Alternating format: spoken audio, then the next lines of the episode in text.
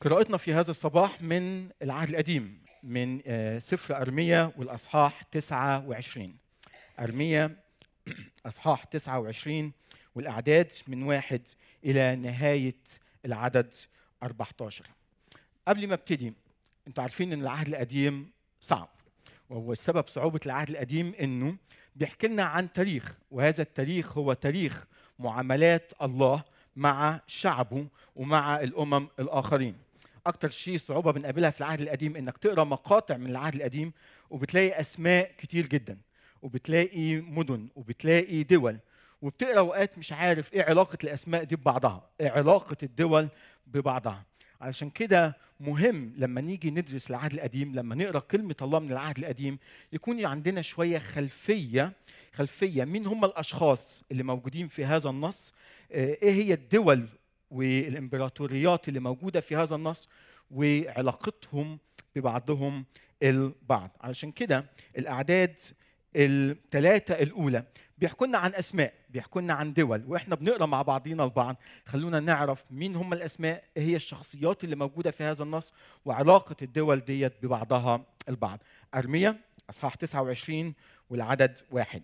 يقول الكتاب المقدس هذه الكلمات. هذا كلام الرسالة التي أرسلها ارميا النبي من أورشليم إلى بقية أو الناجين من شيوخ السبي وإلى الكهنة والأنبياء وإلى كل الشعب الذين سباهم نبوخذ نصر من أورشليم إلى بابل. اذا أول شيء في النص اللي إحنا هنقراه بعد شوية إنه رسالة، رسالة من أرميا النبي. وهذه الرسالة من أورشليم، أرميا كان موجود في أورشليم، لكن في الوقت وقت وجود أرميا في أورشليم كان تم سبي بابل. كان جه ملك بابل آه، نبوخذ نصر وأخذ شعب آه، أورشليم وسباهم لمدينة بابل. وأرميا قرر إنه يكتب رسالة للشعب اللي موجود في السبي للشيوخ اللي موجودين هناك وهذا الحدث في عدد اثنين بيقول بعد خروج يكونيا الملك والملكة في في الوقت دوت أو قبل أرميا كان في ملك وملكة موجودين وتم سبيهم أيضا. اذا الرسالة كانت بعد سبي الملك والملكة والخصيان ورؤساء يهوذا وأورشليم والنجارين والحدادين من أورشليم. كان دايما آه، لما تيجي مملكة علشان تسبي شعب آخر كانوا بياخدوا خيرة الرجال في هذه المملكة بياخدوا كل الأشخاص المهرة من هذه المدينة ويودوهم للعاصمة بابل حتى يشتغلوا ويكبروا وتكون هذه المدينة عظيمة أكتر ويسيبوا أورشليم خراب تماما. بيد العاسة ابن شافان وجمارية ابن حلقية مين هم الأشخاص دول؟ كان دايما في سفراء. اتفقنا إنه عندنا مدينة اسمها صحيح معايا مدينة اسمها أورشليم. وتم السبي وأخذ ملك بابل كل الأشخاص الموجودين أو عدد كبير من الأشخاص الموجودين في من أورشليم وداهم إلى بابل. لكن من وقت للتاني كان الملك اللي موجود في أورشليم يبعت مراسلات أو كتابات إلى الملك اللي موجود فين؟ في بابل. والعكس صحيح. فكان في أشخاص موجودين اللي هم العاسة والشخص الثاني اللي هو جمارية كانوا هم الأشخاص المو... المسؤولين إن هم يحملوا رسائل من مدينة أورشليم يودوها إلى مدينة بابل في الوقت دوت قرر أرميا إنه يبعت رسالة مع هؤلاء الرسل لملك أو سوري للشعب اللي موجود المسبي في بابل شعب الله من أورشليم. إيه رأيكم في درس التاريخ والجغرافيا؟ حد لسه صاحي؟ صاحيين معايا؟ لأنه مهم نفهم التاريخ دوت علشان نبتدي الرسالة اللي هيتكلم لينا الله بها في هذا الصباح. بيقول الكتاب المقدس هذه الكلمات في عدد أربعة. هكذا قال رب الجنود إله إسرائيل لكل السبي الذي سبيته من أورشليم إلى بابل. إذا الرسالة اللي هنقراها هي كانت رسالة الله بيبعتها لشعبه المسبي في بابل. خلينا أقول ملحوظة مهمة في بداية الحديث وأنا بتكلم على السبي وأنا بتكلم على أشخاص عايشين في غربة في بلاد غير بلادهم. بتمنى لأن أنا بعرف إنه في وسطينا أشخاص كتير من سوريا من العراق وأشخاص كتير بيسمعونا على الشاشات. مش قصدي ابدا إنه الحياة اللي بتعيشها كشخص سوري أو عراقي أو مصري أو غيره إنه هذا هو سبي. هذا غير مش مقصود تماما. فخلوا الموضوع دوت في فكركم. حتى لا يعتقد البعض انه الحياة اللي إحنا عايشينها في لبنان أو في أي بلد أخرى هي حياة سبي. لكن بحسب كلمة الله شعبه في ذلك الوقت كان عايش في مرحلة انتقالية. الله سمح أنه يعيش في بلد غير البلد اللي كان عايش فيها لسبب ما وده اللي هنحكي فيه مع بعضينا البعض.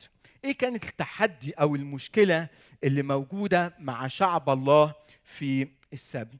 أول مشكلة كانت موجودة هي كان رفض للواقع اللي بيعيشوه. كان هناك رفض للواقع والسبب رفضهم للواقع هما الأنبياء الكذبة.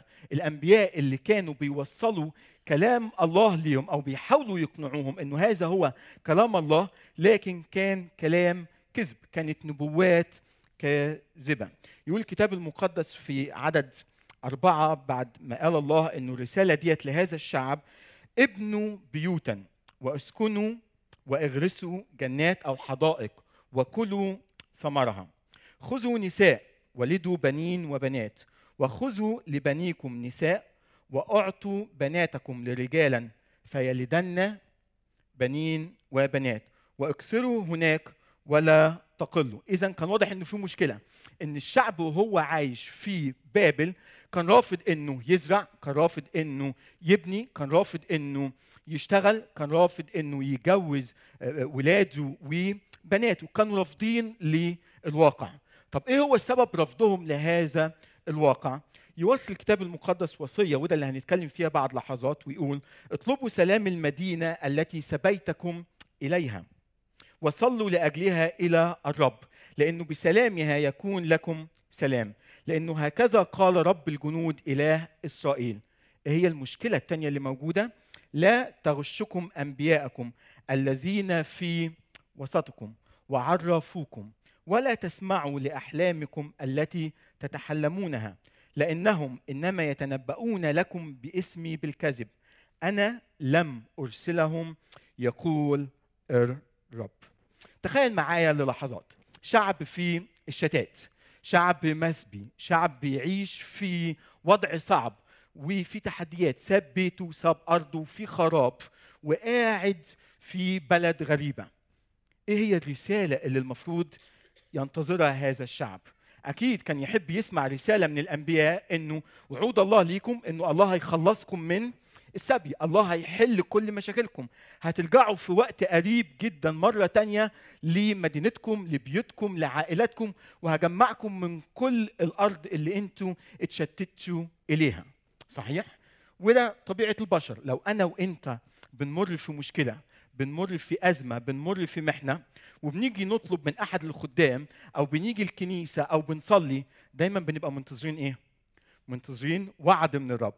منتظرين إن الخدام اللي بيصلوا علشاننا يشجعونا يدونا أمل إن المشكلة أو المحنة اللي إحنا بنعدي فيها هنخرج منها في أقرب وقت ممكن. الأنبياء اللي بيقول عنهم الكتاب المقدس أنبياء كذبة إدوا للشعب وعود بالعودة بإنه الله هيخلصكم من السبي. لكن فجأة الله يقول الرسالة ديت مش رسالتي. الأنبياء اللي أنتوا بتسمعوا ليهم مش أنا اللي أرسلتهم.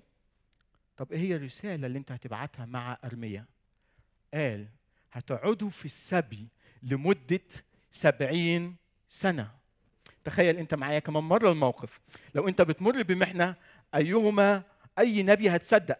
هتصدق النبي اللي بيقول لك إنه الله هيتدخل هيحل كل مشاكلك إنه هيخلصك من المحنة اللي أنت بتعدي فيها؟ ولا هتسمع للشخص أو للنبي اللي بيقول لك المحنة اللي أنت موجود فيها هتعيش فيها لسنين طويلة قادمة؟ أي رسالة أنت وأنا بننتظرها؟ طبعا بننتظر الرسالة الإيجابية الرسالة اللي بتشجعنا إنه الله هيخلصنا الله هيحررنا من المحنة وهيحل كل مشاكلنا وهيدينا حياة أفضل الوقت اللي جاي.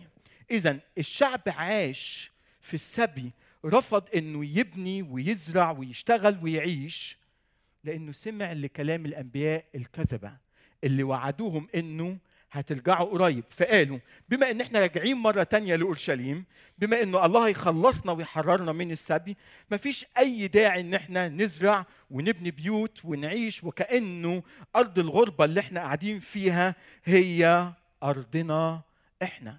ولأن هم سمعوا لأنبياء الكذبة. وارميا لو بنرجع مع بعضينا البعض لأصحاح 28 حصل معاه نفس الموقف. أصحاح 28 بيقول لنا إنه كان في نبي اسمه حنانيا. هذا النبي كان موجود مع ارميا في أورشليم. وابتدى ينادي لارميا ويقول له ارميا أنا عندي كلام ليك من الرب إيه هو هذا الكلام أيها النبي؟ قال له في سنتين الله هيحرر كل الشعب من سبي بابل وهيرجعهم مرة تانية لأورشليم. بعد شوية يكتشف ارميا إنه كلام حنانيا كلام كذب.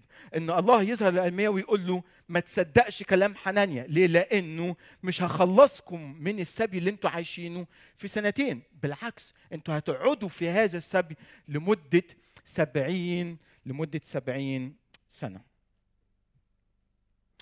ده موقفنا. بنمر في حياتنا زي ما قلت من لحظات بمرحلة انتقالية.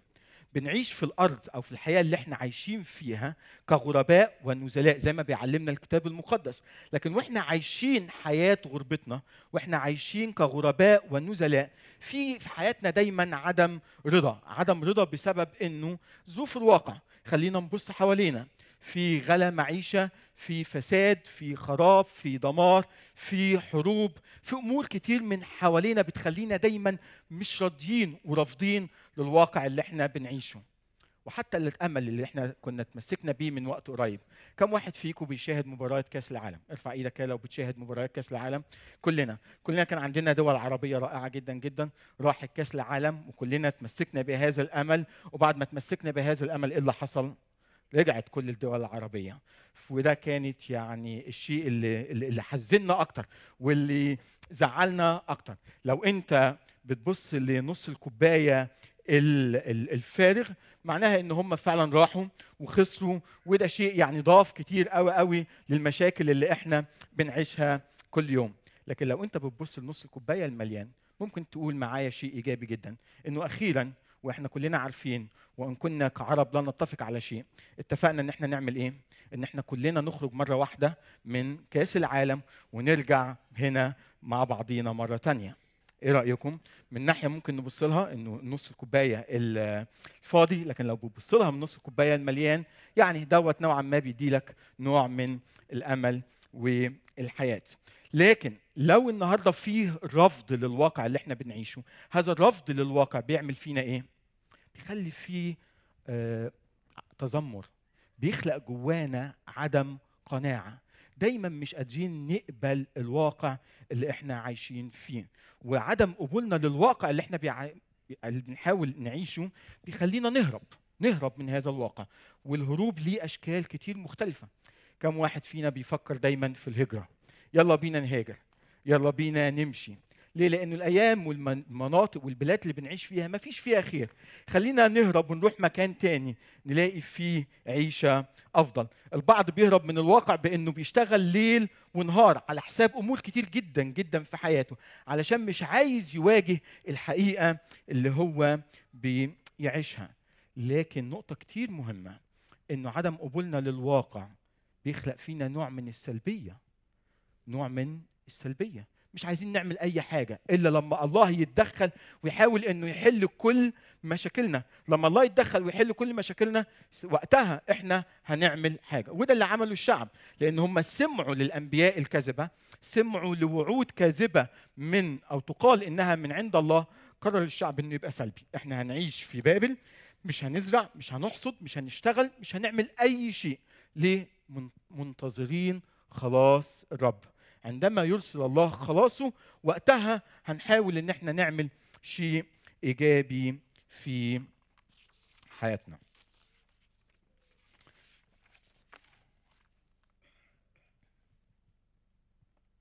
فين التحدي في اللي أنا بقوله؟ التحدي هو إنه بنتمسك بوعود انتبهوا معايا بنتمسك بوعود الله الإيجابية بإنه هيشفينا إنه هيخلصنا إنه هيحررنا من كل مشاكلنا إنه هيخرجنا من المحنة اللي إحنا بنعيش فيها.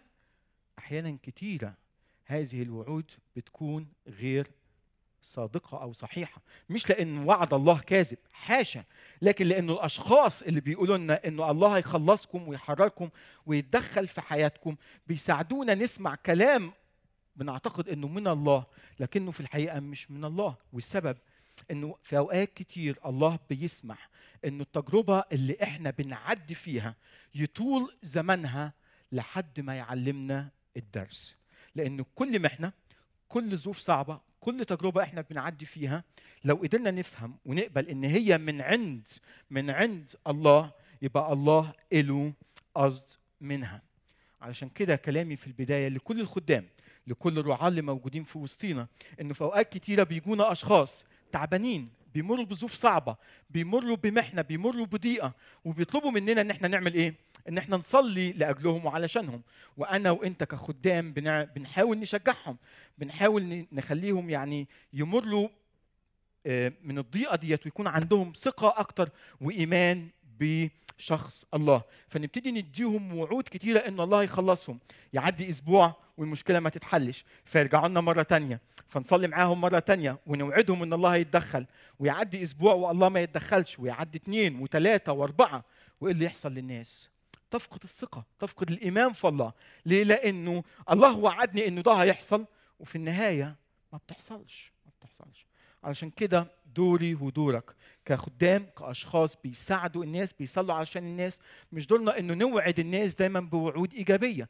دورنا إنه نساعد الناس إن هم يصلوا إن هم يرجعوا لله إن هم يطلبوا صوت الله ويطلبوا حكمة من الله حتى يفهموا ليه الله بيسمح بالظروف اللي هم بيعدوا فيها. حابب أشارك معاكم بثلاث أمور إيجابية الله بيطلبها من الشعب في هذا النص. ثلاث نقاط أساسية. الله بيطلبها من الشعب في هذا النص. أول شيء الله بيطلبها بيطلب منهم اقبل الواقع وسلم الأمر لله. اقبل الواقع وسلم الأمر لله. أول شيء يساعدك إنك تقبل الواقع اللي أنت بتعيش فيه. لما تدرك إن الأحداث اللي أنت بتعدي فيها الله هو اللي ورا الأحداث. ان الظروف أو المحنة اللي أنت بتعدي فيها هي بسماح من الله بحسب مشيئة الله. العدد الرابع يقول هذه الكلمات. هكذا قال رب الجنود إله إسرائيل لكل السبي الذي سبيته من أورشليم إلى بابل. إذا مين اللي سبى الشعب؟ مين كان السبب في هذا الأمر؟ هل بابل؟ هل الملك؟ أم الله نفسه؟ بحسب هذا النص الله نفسه. الله هو اللي سمح لملك بابل إنه يسبي هذا الشعب. وكان سبب السبي لأن هم تركوا الله ومشيوا وعبدوا آلهة غريبة. فاول رسالة كان الله بيبعتها للشعب في السبي إنه أنا وراء الأحداث. مش بابل مش الملك لكن أنا اللي أرسلتكم إلى هذا السبي. عشان كده الوقت دوت بالنسبة لهم كان وقت تأديب إلهي. كان محنة كان امتحان إيمان بيعدي في هذا الشعب. والرسالة اللي كان بيبعتها الله ليهم إنه السبي انتبهوا معايا ليس نهاية الرحلة. السبي ليس نهاية الرحلة لكن هو بداية لمرحلة جديدة يختبر فيها الشعب معاملات الله. يختبر مراحمه يختبر إحساناته يختبر رعايته يختبر مرة تانية خلاصه يختبر جوده يختبر الله بشكل جديد وبصورة جديدة في حياته. لكن يفضل السؤال جوايا وجواك. إزاي أعرف؟ إزاي أعرف؟ إزاي أعرف إنه المرحلة اللي أنا بعدي فيها المحنة اللي أنا بعدي فيها هي هي من عند الله هي من عند الله. لو نرجع مع بعضينا رسالة يعقوب. والأصحاح الأول والعدد اثنين يقول يعقوب هذه الكلمات. احسبوه كل فرح يا إخوتي حينما تقعون في تجارب متنوعة. عالمين إن امتحان إيمانكم ينشئ صبرا. بيطلب منهم إنه عندما تمروا في محنة في تجربة يعني خلي هذا الأمر هو سبب فرح. ده كلام غير منطقي. كيف كإنسان أنا بمر بمحنة بضيقة بظرف صعب إن أنا أفرح؟ لأنه بيقول لهم ده امتحان إيمان لكن بيكمل وأما الامتحان الإيمان دوت هينشئ فيكم صبر. أما الصبر فليكن له عمل تام لكي تكونوا تامين وكاملين غير ناقصين في شيء. بيقول لهم المحنة وامتحان الإيمان اللي أنتوا بتعدوا فيه الله هيستخدم هيستخدم هذه المحنة علشان يشكل حياتكم علشان يغيركم وتكونوا أشخاص ناضجين على صورة الله ومثاله. لكن فين المشكلة؟ المشكلة بيقول إنه الأمر محتاج حكمة. علشان كده وإنما إن كان أحد إن كان أحدكم تعوذه حكمة فليطلب من الله الذي يعطي الجميع بسخاء ولا يعير. وإنت بتمر في وقت الضيق والمحنة وإنت في مرحلة انتقالية في حياتك اللي إنت محتاجه إنك تركع إنك تسجد إنك تصلي. إنك تطلب من الله إنه يديلك حكمة يديلك فهم من عنده هو. يفتح عينيك علشان تفهم وت تقدر تعرف ليه الله بيسمح بالظرف وبالموقف الصعب اللي أنت بتعدي فيه. بدل ما تسمع من أنبياء كذبة أنت محتاج إنك تسجد أمام الله والله يعطي لك حكمة إلهية حكمة تأتي من فوق تفتح عينيك وتعطي لك استنارة في القلب وتفهم مشيئة الله في حياتك. علشان كده إن كنت بتسأل النهارده أنا بمر بمحنة أنا بمر بوقت صعب في حياتي. أول شيء هيشجعك إنك تسلم أو تقبل الواقع وتسلم الأمر لله إنك تطلب حكمة من عند الله. ولما تطلب حكمة وتصلي ويجي الله يقول لك أنا اللي سمحت باللي أنت بتعدي فيه دوت ساعتها هتقدر تقول له أنا هطمن. أنا هطمن. أنا مش هخاف. ليه؟ لأنه إن كنت أنت سمحت بهذه المحنة مش هدفك إنك تدمرني. مش هدفك إنه أكون إنسان فاشل. مش هدفك إنك تنهي على حياتي. لأنه الله بيعطي مع المحنة ومع التجربة المنفذ. حتى نستطيع أن نحتمل هذه التجربة ونمر خلال هذه التجربة بمعونة وبنعمة من عند من عند الله. عشان كده أنا عايز أشجعك النهارده إنه أول شيء يساعدك إنك تستسلم للواقع اللي أنت بتعيشه وتستسلم لله وتقبل الواقع إنك تطلب حكمة من عند الله. لكن الأمر الثاني اللي بيطلبه منهم أرمية اللي هيساعدك إنك تقبل وتسلم إنك تفهم فكر الله إنك تفهم مشيئة الله. نرجع للعدد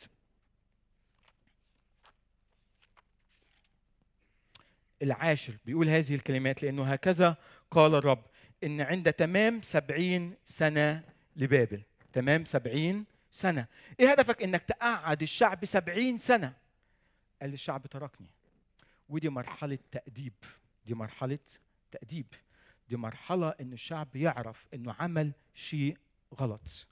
وده الهدف زي ما قلت من لحظات. عندما يسمح الله بالمحنة أو التجربة اللي بنعدي فيها فأحيانا كتير بيكون هدفه إنه يأدبنا وزي ما بيقول كاتب العبرانيين إنه تأديب الرب ليس علشان ينهي حياتنا لكن حتى نشترك في قداسته.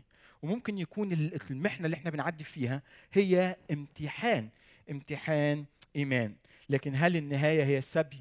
بيقول الله ابدا ابدا. بيكمل هذه الكلمات. أتعهدكم. وأقيم لكم كلامي الصالح. ومعنى كلمة أتعهدكم معناها أنا هفتقدكم. وأنت في وسط المحنة وأنت في وسط السبي. اوعى تفتكر إن أنا نسيتك. هل تنسى الأم رضيعها؟ حتى وإن نسي هؤلاء. أنا لا أنساكم يقول السيد الرب. الله عمره ما هينساك. الله عمره ما هيسيبك والله بيقول لك في هذا الصباح إن كنت بسمح بمحنة أو تجربة إن هي تكون موجودة في حياتك وإنه يمكن تستمر في حياتك فأنا مش هسيبك أنا هفتقدك أنا هرجع أدور عليك أنا هرجع أرجعك وأردك مرة تانية وهتمم كلامي الصالح هتمم وعودي اللي أنا وعدتك بيها بس مش هتممها في الوقت اللي أنت عايزه أنا هتممها في الوقت اللي أنا عايزه. بعد ما أتمم هدفي من المحنة والتجربة بعد تمام سبعين سنة ساعتها أنا هتمم هتمم وعودي. اللي بيساعدني إنه أنا أس أقبل الواقع إنه أستسلم لله وأقبل مشيئته في حياتي. إني عارف إنه الله صالح إنه مشيئته صالحة إنه إله ليس فيه شر ما يعرفش الشر لكن دايما مشيئته صالحة وكاملة ومرضية وإن هي لخيرك وبيكمل الكتاب المقدس هذه الكلمات وبيقول لأني عرفت الأفكار التي أنا مفتكر بها عنكم. الله بيقول أنا عارف الأفكار عنكم. أنا عارف الخطة اللي أنا راسمها لحياتكم. إيه شكلها الخطة ديت؟ الخطة هي المحنة والأزمة والضيق اللي بنعدي فيه؟ بيقول لا.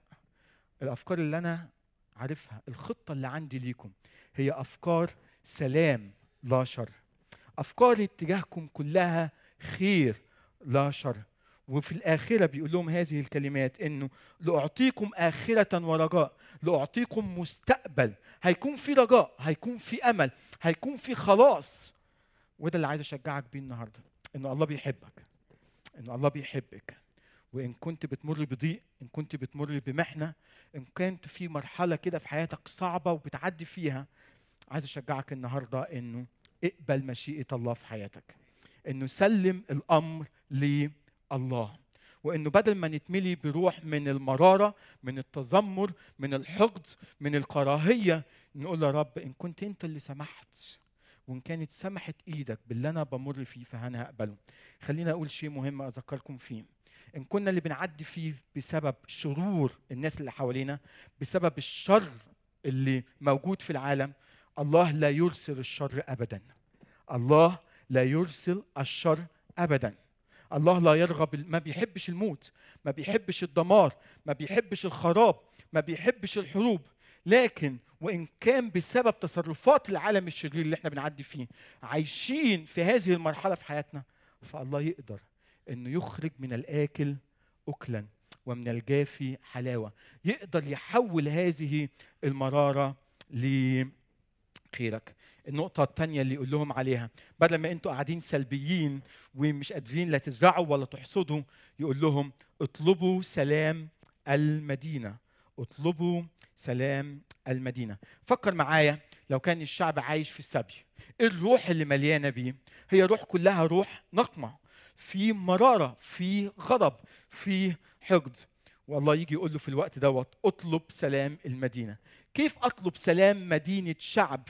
هو اللي سباني. شعب هو اللي دمر بيتي هو اللي دمر عيلتي هو اللي سبب الخراب اللي أنا عايش فيه. يقول الكتاب المقدس يعلمنا هذه الكلمات. كمواطنين تابعين ليسوع المسيح. علينا انه نتخلص من روح المرارة والنقمة والغضب اللي عايشة جوانا بسبب الناس اللي إحنا عايشين في وسطهم. وبدل هذه الروح والمرارة والغضب إنه نعمل لخير المدينة اللي إحنا عايشين فيها. نعمل مع الآخرين إنه نبني إنه نعلم إنه نهتم بالناس. والله بيقول لنا إن كان في خراب حواليكم إن كان في دمار حواليكم فدي مسؤوليتكم يا شعب المسيح. دي مسؤولية الكنيسة. دي مسؤوليتك أنت إنك تعمل لخير المدينة والبلد اللي أنت بتعيش فيها. ولما تعمل لخير البلد اللي انت بتعيش فيها وقتها الناس اللي انت بتعيش معاهم مش هم هيكونوا أعدائك لكن هتحس إن دول ناس الله خلقهم على صورته وشبهه ومثاله.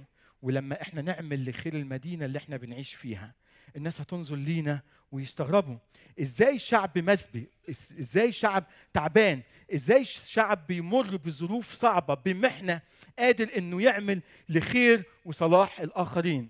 وقتها يروا قولوا معايا يروا أعمالكم الإيه؟ الحسنة. ويمجدوا أباكم الذي في السماوات. يشوفوكم كشعب بيعيش وبيتصرف بطريقة تختلف عن كل الشعوب الأخرى حتى وإن كنت بتمر بمحنة أو بتجربة. اللي حابب الله يقوله للشعب في هذا الوقت إنه العدو ليس دائما هو الخصم ومن هم في السبي ليسوا دائما الضحية. كان الله بيعلمهم درس مهم. أنتم مفكرين إنه بابل هم الأعداء؟ بابل مش هم الأعداء. الشعب دوت هو العدو مش هم الأعداء. ولو أنتوا شايفين نفسكم الضحية تبقوا غلطانين. ليه؟ لأنه أنتوا اللي حطيتوا نفسكم في الموقف اللي أنتوا موجودين فيه بسبب قراراتكم خاطئه علشان كده الله بيشجعنا إنه نمتحن نمتحن أنفسنا. والحاجة الأخيرة اللي بيطلبها منهم الله إنه صلوا لأجل المدينة. مش بس اطلبوا سلام المدينة لكن صلوا لأجل المدينة اللي بتعيشوا فيها. وده اللي بيقوله بولس الرسول لتيموثاوس إنه بيطلب منه إنه صلوا. صلوا لأجل الأشخاص اللي اللي هم في منصب. حتى تعيشوا حياة مطمئنة في كل تقوى ووقار. وكأنه الله بيضع مرة تانية في إيد شعبه في إيد الكنيسة مسؤولية سلام المدينة ومسؤولية البلد بأكملها. مش بس تعمل لخير المدينة ولسلام المدينة لكن عليك إنك تصلي لأجل هذه المدينة. كيف نصلي لأجل المدينة؟ دايما بنصلي لبلادنا. يا رب ابعت خير. يا رب حل كل مشاكلنا. يا رب ادينا سلام. يا رب ادينا فرح. وهذه كلها طلبات رائعة ومهمة. لكن اللي بيقولوا هنا ارميا ل أو الله لارميا ولشعبه. لما تصلي عندما تصلوا ككنيسة المسيح. أنتوا بتصلوا علشان تقولوا للرب يا رب املأ قلوبنا وحط على قلوبنا اللي على قلبك. ادينا أحلام جديدة للمدينة ديت. ادينا رؤى جديدة للمدينة ديت.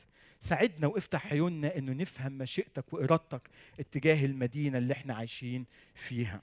علشان كده كان شعب الله مش ممكن مش ممكن كان يصلي لبابل إلا لو فهم إنه بابل هي جزء من المشيئة والخطة الإلهية. كمان مرة شعب الله كان لا يمكن إنه يصلي لبابل إلا لو فهم إنه بابل هي جزء من المشيئة الإلهية. وأنا وأنت لو فهمنا في هذا الصباح إنه البلد اللي إحنا عايشين فيها إنه المكان اللي إحنا عايشين فيه هو جزء من خطة الله لحياتك ولحياتي ساعتها هعرف أصلي. هعرف أصلي بروح مليانة بالشكر. هعرف أصلي وأقول له بشكرك من أجل البلد اللي أنا عايش فيها من أجل الناس اللي أنا عايش في وسطهم وتعالى يا رب وساعدني أفهم مشيئتك لهذا الشعب لهذه الأمة لهذه الجماعة ونعمل لخير هذه الجماعة. علشان كده محتاجين في هذا الصباح إنه نصلي. نصلي. ودي دعوة الله لينا في هذا الصباح. إن كنت بتمر بتجربة إن كنت بتمر بمحنة إن كان في وقت صعب في حياتك الله بيدعوك أن تصلي. إنك تمتحن نفسك في محضر الله. إنك تطلب من الله إنه يعطيك حكمة حتى تفهم مشيئته حتى تفهم إرادته.